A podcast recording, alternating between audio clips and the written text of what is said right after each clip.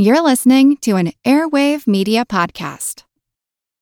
When you need mealtime inspiration, it's worth shopping Kroger, where you'll find over 30,000 mouthwatering choices that excite your inner foodie. And no matter what tasty choice you make, you'll enjoy our everyday low prices, plus extra ways to save, like digital coupons worth over $600 each week. You can also save up to $1 off per gallon at the pump with fuel points. More savings and more inspiring flavors make shopping Kroger worth it every time. Kroger, fresh for everyone. Fuel restrictions apply. Another day is here, and you're ready for it. What to wear? Check. Breakfast, lunch, and dinner? Check. Planning for what's next and how to save for it? That's where Bank of America can help. For your financial to-dos, Bank of America has experts ready to help get you closer to your goals. Get started at one of our local financial centers or 24-7 in our mobile banking app. Find a location near you at bankofamerica.com slash talk to us. What would you like the power to do? Mobile banking requires downloading the app and is only available for select devices. Message and data rates may apply. Bank of America and a member FDIC. This is Kick Ass News. I'm Ben Mathis.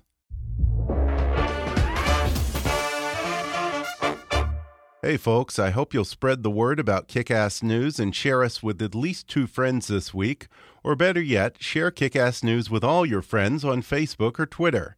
And if you really want to help, donate to our GoFundMe campaign at gofundme.com slash kickassnews.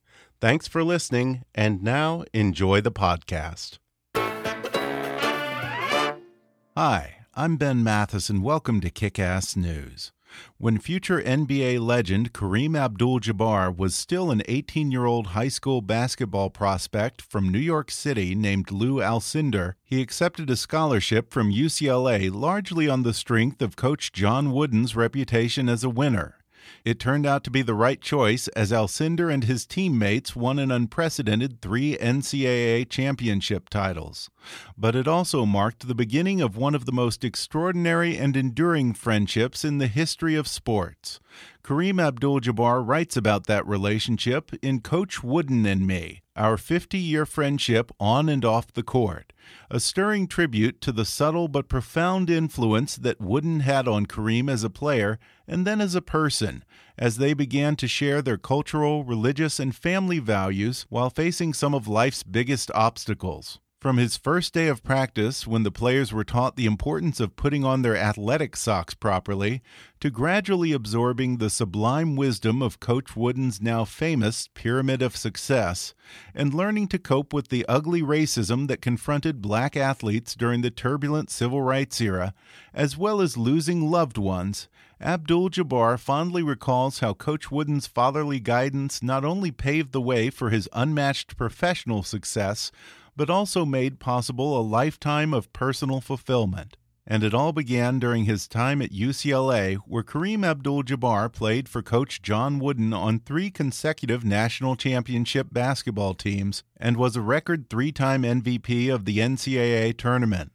Then, as a professional player, Abdul Jabbar went on to become a record six time NBA Most Valuable Player, a record 19 time NBA All Star, a 15 time All NBA selection, and an 11 time NBA All Defensive Team member. A member of six NBA championship teams as a player and two as an assistant coach, Abdul Jabbar twice was voted NBA Finals MVP. In 1996, he was honored as one of the 50 greatest players in NBA history, and NBA coach Pat Riley and players Isiah Thomas and Julius Erving have called him the greatest basketball player of all time. Kareem Abdul Jabbar remains the NBA's all time leading scorer and a Basketball Hall of Fame inductee. Since retiring from the NBA, Abdul Jabbar has also been an actor, a basketball coach, and a best selling author of 13 books. He's also one of a handful of influential and respected black men in America who has a national platform as a regular contributing columnist for the Washington Post and Time magazine. Kareem was appointed to be the U.S. Cultural Ambassador by then Secretary of State Hillary Clinton, and in 2016 he received the Presidential Medal of Freedom from President Barack Obama. Currently, he serves as the chairman of the Skyhook Foundation, whose mission it is to give kids a shot that can't be blocked by bringing educational opportunities to underserved communities through innovative outdoor environmental learning. Today, I'll talk with Kareem Abdul Jabbar about his unique friendship with the man known as the greatest coach of all time. He discusses why Coach Wooden was more concerned with players' grades and their futures than with basketball, and his unusual philosophy that winning is a byproduct of hard work and preparedness, but winning isn't everything. He'll talk about how he felt when the NCAA banned dunking and how Coach Wooden helped him overcome that setback by helping him use his signature skyhook to maximum effect on the court. He also reveals how John Wooden handled racism in the socially charged civil rights era and how he taught Kareem to forgive a racial slur by another one of his early mentors. Plus, he shares some of Coach Wooden's favorite inspirational quotes, Coach's essential advice on how to put on your shoes and socks, and what Kareem calls basketball jazz. Coming up with basketball legend Kareem Abdul Jabbar in just a moment.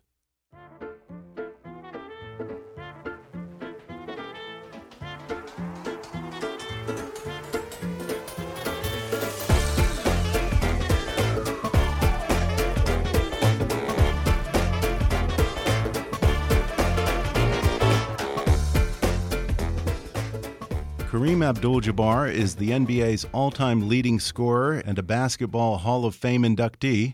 He's also an actor, a basketball coach, and a New York Times best-selling author. His essays and columns have appeared in Time, The Hollywood Reporter, and The Washington Post, among others. And in 2016, he was awarded the Presidential Medal of Freedom. Now he's written a new book about the man he calls a second father, the legendary Wizard of Westwood, UCLA basketball coach John Wooden. The book is called Coach Wooden and Me Our 50 Year Friendship on and Off the Court. Kareem Abdul Jabbar, thanks so much for joining me. Glad to be here. Thank you. Well, I got to tell you, I loved Coach Wooden and me. For the folks listening, whether you're a basketball fan or not, there's so much wisdom in here, and it's such a touching story. Tuesdays with Morrie has got nothing on this book, Kareem. Oh, well, thank Congratulations. you. Congratulations. Thank you very much. Coach John Wooden was arguably the greatest coach in the history of any sport, not just basketball. He won 10 NCAA national championships, including a record seven in a row, and his team won an NCAA men's basketball record of 88 consecutive wins, um, in no small part thanks to you. People listening may know him as the quote unquote Wizard of Westwood, but tell us a little bit about who John Wooden was as a person. What was he like?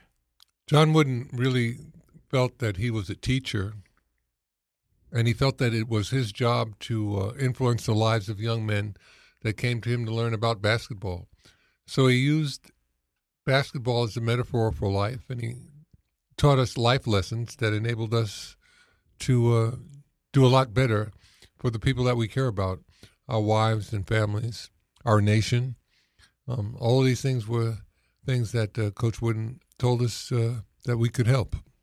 By the time you arrived at UCLA, you pretty much had had your pick of schools that you could play for. Uh, you went to check out UCLA and you met him. What was that meeting like for the first time? Well, you know, you, you, you come to a school and you think you're coming there to play basketball. So I, I come out to UCLA to go on my um, recruiting trip, and I go to Coach Wooden's office, and the first thing he talks to me about is not basketball; it's about academics. And he told me that um, well, you got good grades and you've done well in high school. You should do well here at uh, UCLA. I expect everyone to do well in class and graduate with a degree. And that was his uh, that was his preference. That was his focus, and uh, it started off like that, and it just uh, kept like that. He, he, he was uh, he was refreshing, and um, he was not out to exploit anybody. He wanted us to learn a few things that would help us for the rest of our lives.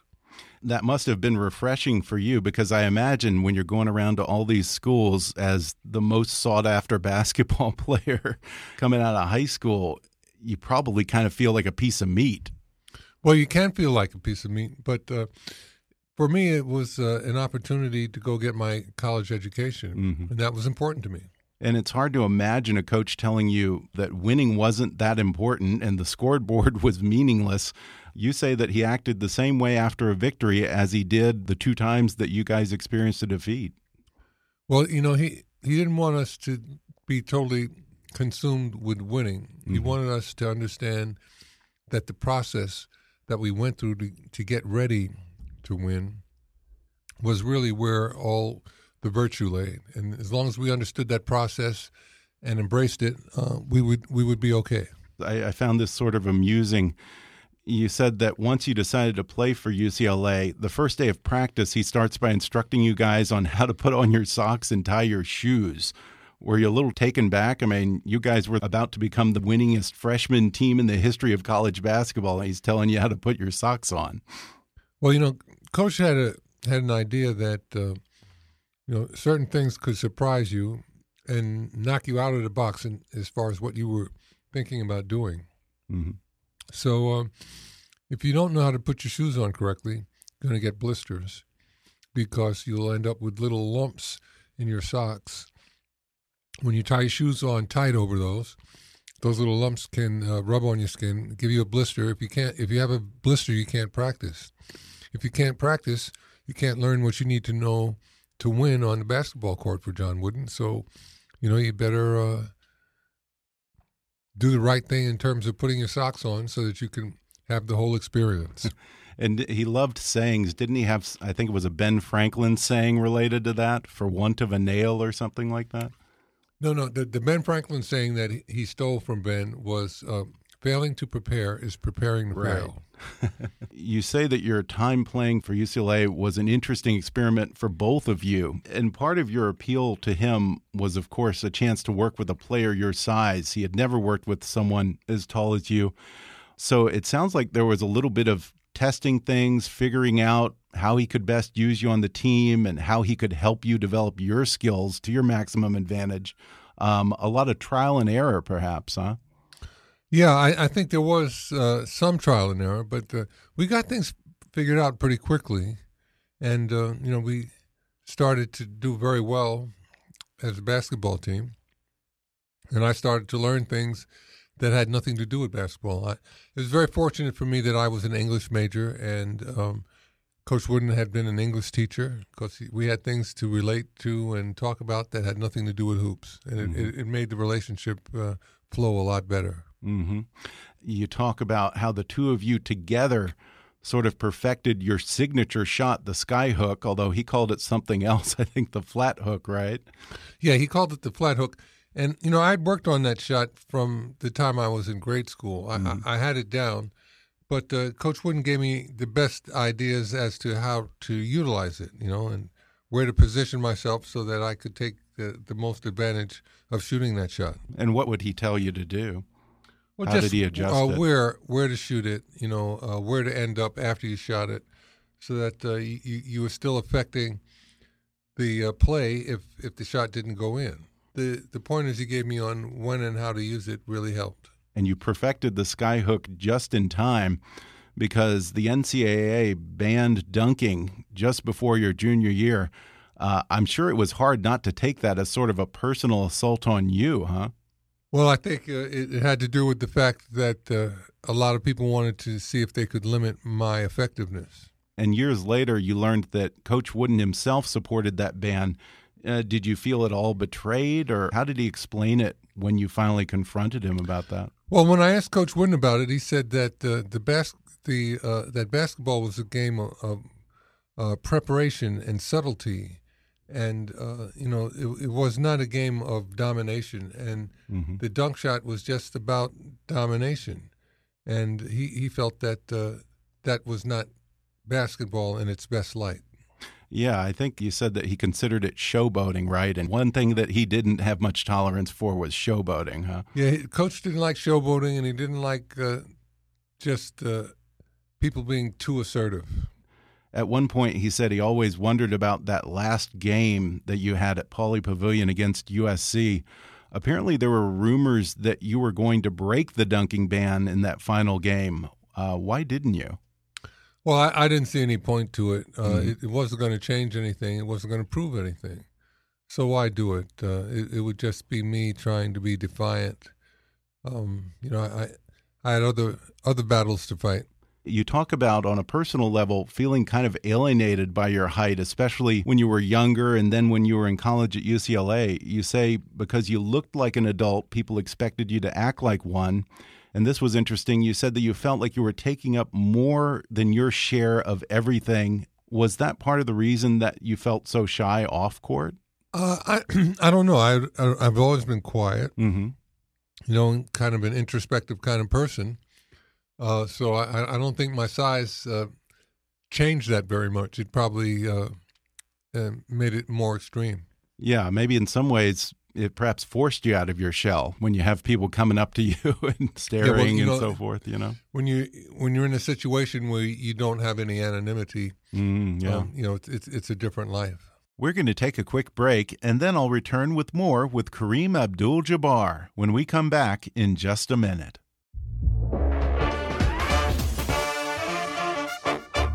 Do you need a custom whiteboard or have a large office build out and don't know where to get help?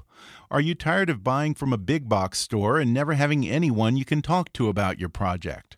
Let US Marker Board be your source for standard and custom whiteboards, glass boards, and so much more, servicing all of North America and every walk of life, from contractors to schools and everyone in between. And with 20,000 different board types, sizes, and colors, usmarkerboard.com has a huge selection of product and can make your idea into a reality. Plus, they offer competitive prices and, most importantly, superior US based customer service that you won't get from the big guys. US Marker Board's knowledgeable and friendly folks take the guesswork out of purchasing whiteboards and communication boards. Just go to usmarkerboard.com today and use promo code KICK at checkout to get 10% off your order. Find out for yourself why US Marker Board is the premium supplier of whiteboards and visual display products in North America. That's usmarkerboard.com and use the promo code KICK for 10% off. If you're interested in my conversation with Kareem Abdul Jabbar today, then you should check out his new book, Coach Wooden and Me Our 50 Year Friendship on and Off the Court. And right now, you can download the audio version for free with a special promotion just for our listeners from audible.com. Just go to audibletrial.com slash kickassnews for a free 30-day trial and a free audiobook download, which can be Coach Wooden and Me by my guest today, Kareem Abdul-Jabbar, or any of Audible's 180,000 titles. That's audibletrial.com slash kickassnews or click the sponsor link on our webpage to download the free audiobook of your choice. And now, back to the show. The 60s were, of course, a time of social upheaval, and it was the height of the civil rights movement, urban riots. And although you were somewhat protected from that in Westwood, California, apparently bigotry raised its head a number of times, especially when you were playing away games. How would Coach Wooden handle those situations, and how did he view civil rights and race in general? Well, Coach Wooden uh, was kind of uh, flabbergasted at just how vicious people could be on the issue of race, and he ne he never understood it. So it always bewildered him because it, it wasn't based on logic. Uh, it wasn't based on the content of people's character, just on their appearance. Mm -hmm. uh, you know, racism is very illogical in that way but uh, it, it's something that we all have to deal with.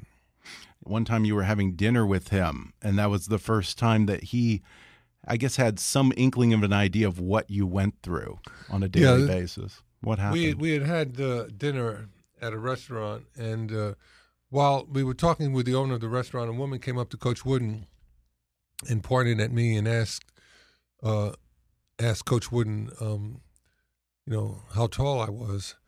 Uh, I think you know Coach Wooden told her, and uh, she told Coach Wooden that she'd never seen a nigger that tall. Wow! And then walked out of the, the restaurant, and you know, Coach Wooden was flabbergasted by it. You know, I heard it. He saw the effect that it had on me, and he didn't know what to do about it. He he couldn't explain it. He couldn't you know make it go away, and uh, he he tried to get me to understand that uh, the ignorance and uh, hostility of some people should not be taken as the way everybody feels. Yeah, and th that's amazing that that would happen. You know, in Westwood, California, not Alabama or somewhere, but Westwood, California. Actually, it's Santa Monica. Oh, it's Santa Monica. Wow. I wonder, did he ever give you advice on how to handle that, or no? of In, individual circumstances. He didn't give me any advice on how to handle that. Mm -hmm. Uh, but he did tell me that uh, you know, I I shouldn't judge all white people by the vicious actions of, of a few. And I think there was a perfect example of that in that I guess uh, at one point your high school basketball coach had said something really horrible to you. Yeah, he did. And, and years he, later, you had held on to that, and he kind of helped you get past that, right? Well, I had gotten past it initially, Mm -hmm. But there was some lingering um, resentment, and uh, Coach Wooden help me to understand it and totally eliminate it from our history. And you know, that was with my high school coach. Once we straightened that out, uh, it it was great. I was very happy that it was only a couple of years before my high school coach passed away. Mm -hmm. You know, but we had put that behind us. Well, the story was that the coach had called you the N word. He said to provoke you into performing better. Uh, right, I was, I was playing. Right? Uh, the, I, I, I, wasn't coach. playing very well. We had a Yeah. game. We had a very big game, which would have been the next, very next game that we played.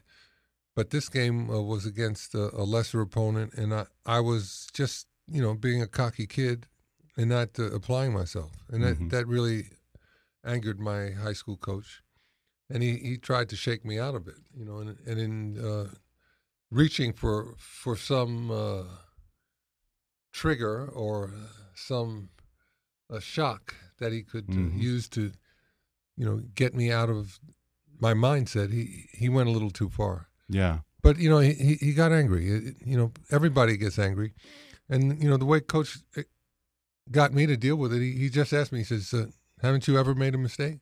Mm -hmm. And of course, you know, being a human being, I I have too many to to uh, to admit to. So Yeah. uh, you know, it, it it really helped me, and uh, my my high school coach and I were able to put all of the uh, any rancor uh, it was put behind Yeah. us. Yeah, and you say that Coach Wooden would have been disappointed if you didn't talk about some of his mistakes or misjudgments in the book. Did he ever say, Lewis or Kareem, you know, maybe cool it on the racial talk or your friendship with Muhammad Ali or even the conversion to Islam? Did he ever have any criticisms or anything? No, no. Really? Coach never criticized us. He sometimes he would question us. He wanted to know what our thought process was. He wanted to Mhm. know how we were um, uh, dealing with whatever it might be. But uh, no, he, he never, you know, gave any. He ne- he never dictated anything. hmm And you had your own interesting spiritual journey that led you to Islam. He was, of course, a devout Midwestern Christian. Did you guys ever talk about religion? Yeah, we had to talk about religion one time on a on a uh, road trip. Uh, we were in the Midwest.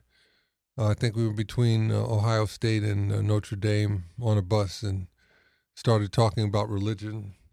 And everybody got a chance to tell everybody else on the team what they thought about their own personal faith and you know their their opinion on faith in general. Coach Wooden thought it was a, a very positive uh, discussion he kind of mentored it, but he he didn't uh, try to dominate it. hmm He asked a few useful questions. Later on, he said that he nearly retired after you left UCLA. Why did he almost retire when you left? Well, I think that uh, you know it, it must have been fun for coach trying to win the NC2A tournament. Uh, those first those first two wins, UCLA was underdogs. They weren't expected to win. After I got there, UCLA was expected to win every game. And it really took the sense of discovery and, and enjoyment out of it. You know, instead of playing to win, uh, coach had to coach a team not to lose, and you know that's a totally different mindset uh, and one that's not as enjoyable. And, and when you graduated from UCLA and went into the NBA, I have to think, was it an adjustment to go from a coach who was telling you that winning wasn't everything and a guy who cared about your long term well being off the court and your development as a person to go from that to playing for a big professional money making organization that perhaps treated you a little bit more like a chess piece or, or an asset? Well, you know, professional basketball is about winning. That's why it exists. So, you know, it's it's a totally different set of circumstances from college. And you had a remarkable 20 year career in the NBA, due in no small part, you say, to Coach Wooden's training. What did he teach you that helped you extend your longevity as a pro player? The reason that I played as long as I did was just that I understood that I had to prepare each year to Mm -hmm. to be at my best. And Mhm. you know, Coach Wooden taught us to to be prepared and to go into any situation knowing that uh, they want you to contribute something. So Mhm. try to give your best effort, and that uh, should should suffice. Yeah, and I think you said that because of his training, and I think what was the saying that he said, failing to prepare Failing to is prepare is preparing to fail. Yeah, and because of that, you said you were always determined that you were going to give 100% every time you were on the court, even during practice. And so you were pretty much prepared for anything, right? Well, you know, when you understand, uh, you know, what the demands are for your profession, it, it, it helps you. Speaking of preparing 100%, I think that he said something along the lines of he hated it when coaches would say a team gave 110 or 120% on the court, right? Yeah, well, yeah. Coach Wooden was at a coaches seminar, and uh, you know, the coaches would talk about how they could try to get their team or players to give 120 percent or something like that. And Coach Wooden asked the question. He says, uh, "I can't even get my my players to give 100 percent. How do you get more than 100 percent?" And it kind of made the coach, you know, who was going on that tangent, he, he had to get off of it because you know the logic of what Coach Wooden had to say kind of got through to him. You said that your relationship during your time at UCLA was pretty much that of a coach and a player. Your friendship didn't really take off until long after you had graduated from UCLA. What was it that took your relationship from sort of a mentorship relationship to this very real 50 year friendship? Well, I think the passage of time had the most to do with it. You know, as Mhm. as I got older and uh, got into my more mature years, I, I really appreciated even more so what I'd been through with Coach and his Mhm. friendship and what he had done to to help guide me. And uh, I really appreciated his presence in my life, and I, I made sure that uh, I uh, let him know that and uh, that I was there. And at a certain point, after you retired as a player, you wanted to become a coach. Did he have any good coaching advice for you? you know, not as far as X's and O's. You know, I I didn't get very many opportunities to coach, and uh, you know, it was it was an issue for me. But the coach helped me deal with it. And you guys spent countless hours talking over lunch at VIP or sitting in his den. What kind of things would the two of you talk about? Geez, you know, we- we were both Coach Wood and I were both baseball fans, so we talk about various aspects of baseball. Um, I was always uh, competing with him uh, about his All American League team and my All National League team. So we'd go back and forth on those issues. Mhm. Uh, he liked Western movies, so did I. Uh, he was more into the old time ones. I, I like things more like Tombstone or Unforgiven. We had things to talk about. And if you have a second love to basketball, it was probably jazz. Your dad was a frustrated jazz musician who had aspired to play with a real band at one point. My Um, dad did play with real bands. He right. just never got to play with the the professionally. the one band that he admired. But uh, yeah, he he had been a professional musician for a while. But uh, in order to uh, make ends meet and to, to raise his family, my dad had to be a police officer. hmm And, and you said that one of the many ways that you and Coach Wooden were a little bit different. He was a big band fan. You were more of a Coltrane, uh, That's more into the modern modern idiom. jazz fan. Coach was from the, from the swing era, hmm and I was into you know I'm I'm basically a bebopper. you Yeah. know. And you related jazz to how you played basketball and how he coached. Talk a little bit about uh, what you call basketball jazz. basketball and jazz have uh, a similarity in that um, the the people who who practice it have to really be aware of each other uh, in order to to play basketball or perform jazz. You have to know what the people you're performing with are- doing and and react to those choices that they make in time. Hmm So it's uh, it's very interesting that uh, you know the, the mentality of it is, is basically the same thing. You're in a sponta- spontaneous situation, and uh, you have to react to each other. So there's a combination of uh, what he talked about preparedness and improvisation. Yeah, all at the same time. That's cool. Well, you talk about how tragedies and losses brought the two of you even closer together in your friendship. Did he have a particular philosophy about coping with tragedy and healing? Coach Wooden had a particular philosophy, but he kept it mainly to himself. But Mhm. uh, you know, he, he he would tell us that that we shouldn't complain, and uh, that we should learn to appreciate all of the, the good days in our in our lives because uh, not every day is like that. And he himself actually died just a few months shy of his hundredth birthday, I think. Um, did he ever have any secrets to longevity? Geez, no, making not, the most. I don't know if he had any secrets to longevity, but uh, he he absolutely um, was amazing in how, how, long he lasted. Mm -hmm. um, toward the end there, though, I, I, you could tell that that he was tired and uh, he was slowing down, but uh, he, he, still kept all of uh, all of us that played for him. We became like even closer to him because uh, Nell wasn't there, mm -hmm. his his wife uh, right. Of his whole life, and uh, you know it, it, was neat that we could be there for him at a time when he needed us like that. Yeah. Uh, what was your last meeting with him like before he passed away? Last time I met with Coach Wooden, um, it was at a dinner for uh, to, that benefited the Negro League players and umpires, mm -hmm. and um, I was just there. It, a lot of you know sports celebrities were there. I, I, sat at the table with Willie Mays that that night, but uh, on my way out, uh, someone came up to me and said, "Coach Coach Wooden wants to see you. He wants to say goodbye," and uh, I said, "Oh, geez." So I, I went over and spoke to Coach uh, Keith Erickson, another one of his players. He was there, and he he, he spoke to both of us. He just said, "I, I want to say goodbye to you guys. Uh, I don't get to see you as much as um, I would like, so uh, just want to say goodbye to you guys tonight." And there was something about it that was different, and um, you know, within an, a couple of days, I realized that he was saying goodbye because he wasn't going to last very much longer.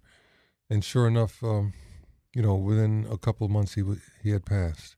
Wow. I was with him just a couple of hours before he, he passed away, but you know he was unconscious, and um, you know resting, and I just spent some time in the room with him and left. And uh, that evening, it was announced on the news that he had passed away. Wow. Sounds like he was an amazing guy. And to have a 50 year friendship with anyone, much less someone so extraordinary and such a great human being, must have been a wonderful gift. Yeah, it was. I, I really appreciate those moments of my life, and um, I never have regretted uh, my choice of going to UCLA. well, before we go, uh, he was known for his love of poetry and his literary quotes. Did you ever have a favorite? Geez, no. I, some of the poems were too long, uh -huh. but uh, I I got the I got the daily lecture at basketball practice, and that, that was enough for me. I, I got it all in, in those moments. Well, again, the book is called Coach Wooden and Me Our 50 Year Friendship on and Off the Court. Kareem Abdul Jabbar, thanks so much for sitting down with me. Not a problem. Nice talking with you.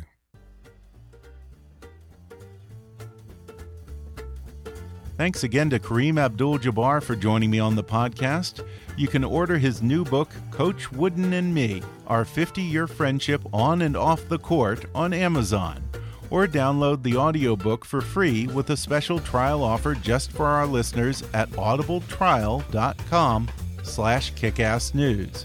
You can learn more about what Kareem is up to these days at kareemabduljabbar.com and support his charity, the Skyhook Foundation, at skyhookfoundation.org. And follow him on Twitter at, at KAJ33. Be sure to subscribe to Kickass News on iTunes and leave us a review while you're there. Don't forget to take our listener survey. It only takes five minutes at podsurvey.com slash kick. You can visit Kickass News on Facebook and follow us on Twitter at, at KickassNewsPod. And be sure to recommend Kickass News to your friends on your social media. And if you really want to help out, then donate to our GoFundMe campaign at gofundme.com slash kickassnews or click on the donate button at kickassnews.com.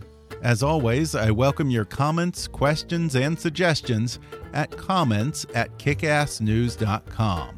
For now, though, I'm Ben Mathis, and thanks for listening to Kick Ass News.